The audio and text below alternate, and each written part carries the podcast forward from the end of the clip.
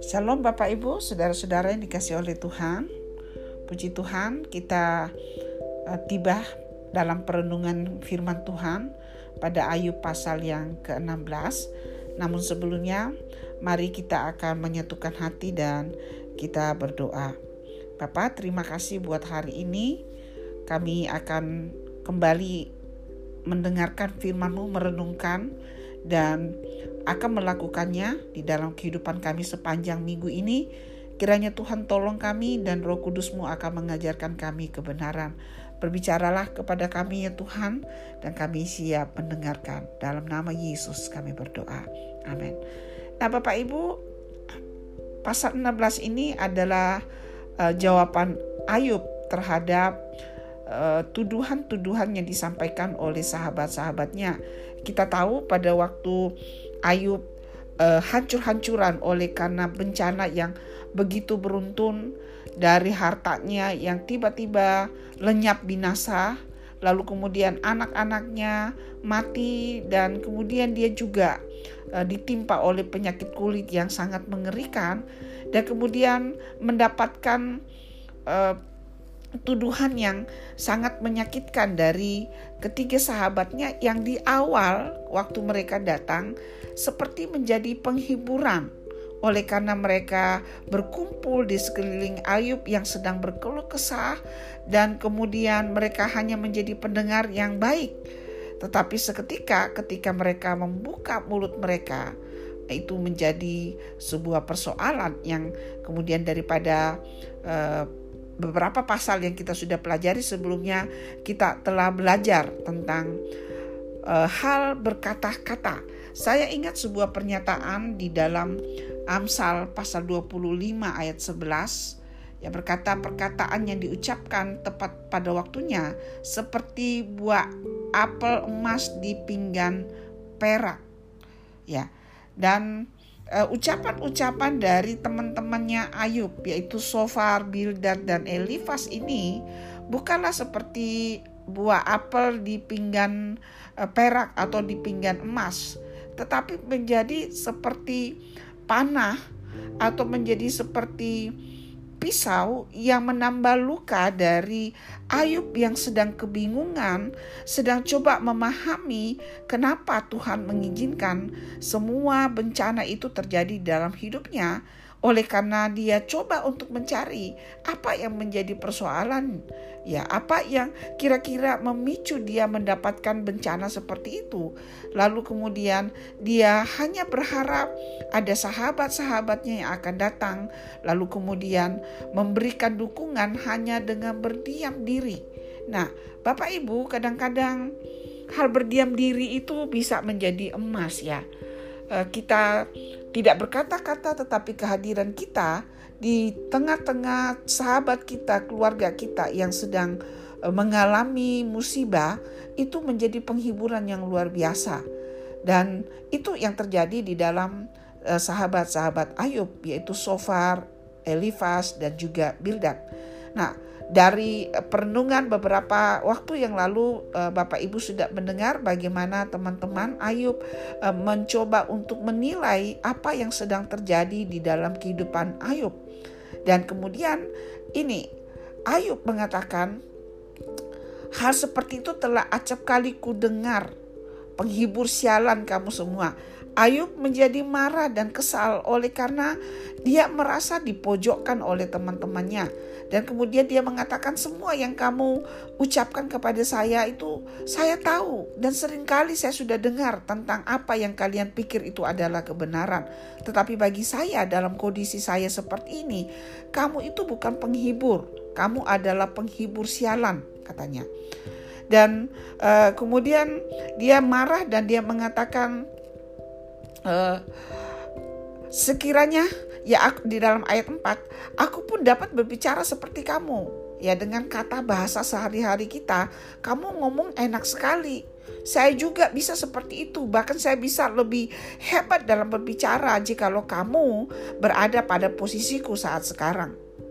Ya. Paul, uh, Ayub ini mengatakan bahwa saya nggak perlu uh, ajaranmu, saya nggak perlu tuduhanmu yang menyudutkan saya. Saya hanya perlu sahabat yang bisa duduk bersama-sama dengan saya di dalam penderitaan saya. Tentu engkau tidak akan bisa merasakan penderitaan saya sepenuhnya, tetapi dengan berdiam diri, engkau akan menyatakan empati kepadaku. Nah, Bapak, Ibu, saudara-saudara, uh, Ayub kemudian mengatakan, "Kalau sekiranya kamu ada pada tempatku sekarang ini, lalu aku berada pada tempatmu sekarang, aku tidak akan lakukan hal yang kalian lakukan kepada uh, aku saat ini, yang menambah lukaku, yang menambah aku seperti terpojok." Ayub berjanji, dia katakan, Aku akan mengubah kata-kata indah terhadap kamu dan menggeleng-gelengkan kepala atas kamu. Aku akan menguatkan hatimu dengan mulut dan tidak menahan bibirku mengatakan belas kasihan. Bapak Ibu saudara-saudara, di sekeliling kita ada banyak persoalan, ada banyak saudara-saudara kita yang mengalami kesusahan. Dan kita bukanlah Allah yang serba maha tahu untuk mengetahui dan menjadi hakim atas penderitaan mereka, atas kesusahan mereka. Jadi apa yang diharapkan waktu kita melihat orang-orang yang menderita? Dikatakan bahwa kadang-kadang perkataan kita yang kita berpikir itu memakai ayat-ayat Alkitab itu adalah sebuah kebenaran. Tetapi rupanya kadang-kadang justru menambah beban kepada saudara-saudara kita yang sedang ada di dalam kesulitan. Jadi bagaimana kita bersikap sebagai orang percaya dalam melihat atau dalam memberikan pertolongan kepada saudara-saudara kita yang sedang ada di dalam kesulitan atau di dalam kondisi yang uh, sangat mengejutkan dan tiba-tiba dan kita pun terheran-heran. Lalu kita tergoda untuk mencari tahu Oh, jangan-jangan dia ada dosa yang dia sembunyikan. Oh, mungkin ada kutub dari nenek moyangnya. Oh, mungkin dia diam-diam melakukan kecurangan yang tidak kita pernah lihat. Kita mereka-reka untuk mencari jawaban. Dan pada akhirnya kita bukannya memberikan pertolongan kepada saudara-saudara kita yang sedang ada di dalam kesusahan, tetapi kemudian kita menjadi seperti apa yang dikatakan oleh Ayub kita menjadi seperti penghibur sialan.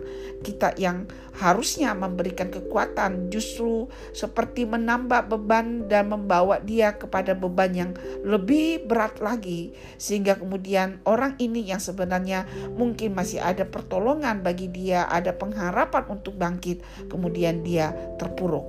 Nah kiranya Tuhan akan menolong kita menjadi sahabat, menjadi teman-teman ya bagi orang-orang yang dalam kesulitan untuk memakai perkataan kita menjadi perkataan yang membangun bukan meruntuhkan kita memakai perkataan kita untuk memberi kekuatan, bukan memojokkan. Kita juga memberikan atau memakai kata kata kita untuk memberikan uh, semangat yang baru bahwa baginya dia masih ada pengharapan dan kita tidak menggunakan kata-kata kita untuk membuat kita terkesan kita lebih benar daripada dia dan dia pasti ada dosa. Soal dia ada kesalahan atau tidak, biarlah Tuhan yang berurusan dengan orang tersebut. Atau kalau memang benar-benar Tuhan memberi hikmat kepada kita untuk memberitahukan hal itu, saya percaya bahwa Tuhan juga akan memberikan kita hikmat bagaimana kita menyampaikan apa yang Tuhan tahu dan Tuhan beritahu kepada kita, kepada dia tanpa menjadi seperti Bildad, Sofar atau Elifas bagi Ayub. Nah, di dalam peristiwa ini Ayub seolah-olah oleh karena ucapan-ucapan uh, teman-temannya. Dan kemudian dia benar-benar seperti orang yang terpuruk yang udah di orang bilang udah udah jatuh ketimpa tangga pula. Ya istilah mungkin yang lebih modern udah jatuh kejepit uh, lift pula atau eskalator. Ya itu tentu lebih menyakitkan sekali. Sehingga kemudian muncul ungkapan-ungkapan yang ada di dalam uh, ayat-ayat yang uh, ayat-ayat yang ke-9, 10, 11 Ya, kemudian uh, sampai ayat yang ke-18 ya itu adalah ungkapan-ungkapan dalam kesesakan, dalam ketiadaan pengharapan, dari rasa sedih yang luar biasa bahwa tidak ada dukungan apa pun. Ya, ia merobek-robek aku, ia menyerang aku laksana seorang pejuang. Kain kabung telah kujahit pada kulitku. Ya, dengan kata lain, eh, Ayub merasa bahwa sebenarnya dia sudah mati. Dia sudah separuh ada di dalam kubur dan tanduku kumasukkan ke dalam debu. Mukaku merah karena menangis dan bulu mataku ditudungin kelam pekat. Terlalu sakit, terlalu menderita sehingga air matanya itu menjadi seperti uh, apa? Memberatkan matanya untuk melihat matahari dan melihat terang.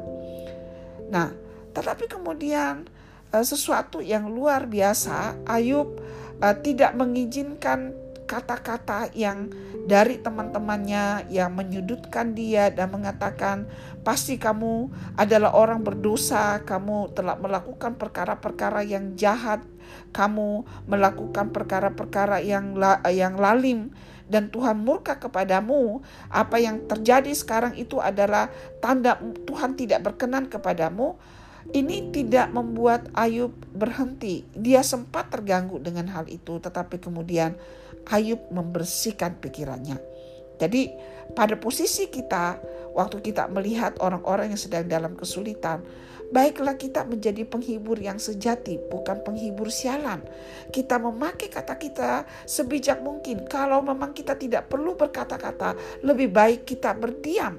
Oleh karena firman Tuhan mengatakan perkataan yang disampaikan tepat waktunya itu seperti apel di pinggan perak tapi jika tidak tepat, itu menjadi seperti tusukan belati kepada orang-orang yang kita berpikir ia layak untuk mendengarkan perkataan-perkataan kita. Ya, Ayub masih ingat dia punya Tuhan Nah, dalam posisi kita misalnya kita yang berada di mana orang serang kita, ke perkataan-perkataan orang melemahkan kita, perlakuan orang-orang di sekeliling kita membuat kita down atau membuat kita uh, tidak ingin lagi bangkit, ya kita udah menyerah, kita sudah pasrah. Kita mari ikuti apa yang dilakukan oleh Ayub. Ya. Dia mengatakan saksiku ada di surga yang memberi kesaksian bagiku ada di tempat yang tinggi.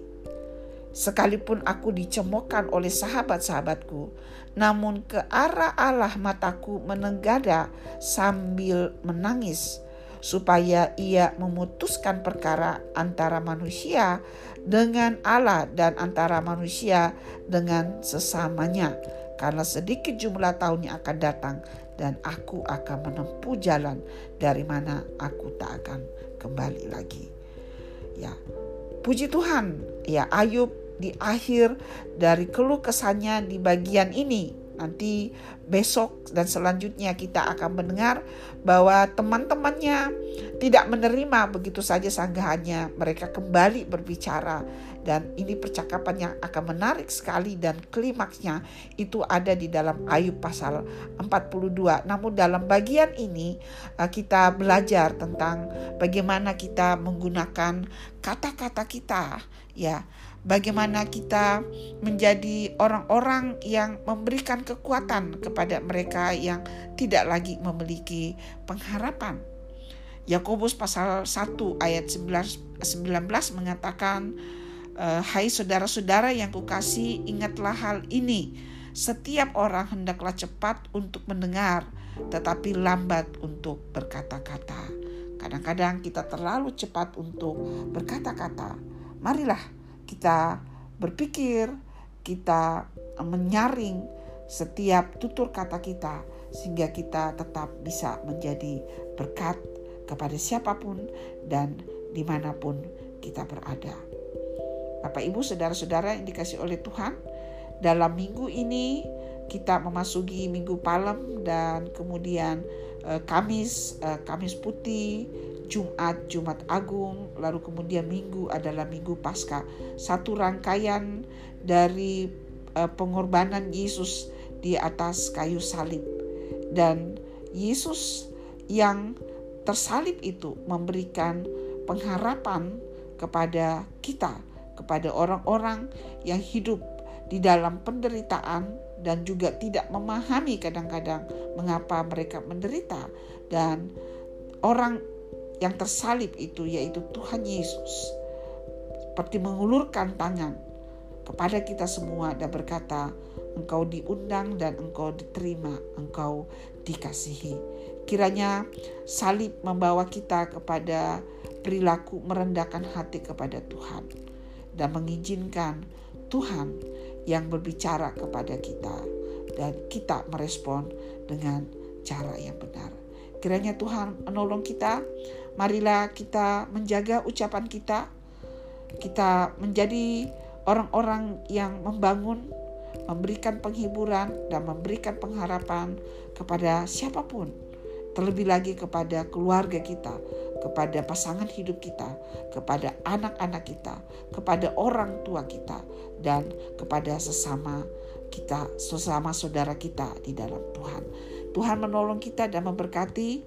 Selamat memasuki Minggu Paskah dan Tuhan berjalan bersama-sama dengan kita. Mari kita berdoa. Bapak, terima kasih buat hari ini. Kami bersyukur untuk firman-Mu yang mengingatkan kami betapa perkataan kami bisa memberi dampak yang luar biasa, dampak secara negatif maupun dampak secara positif.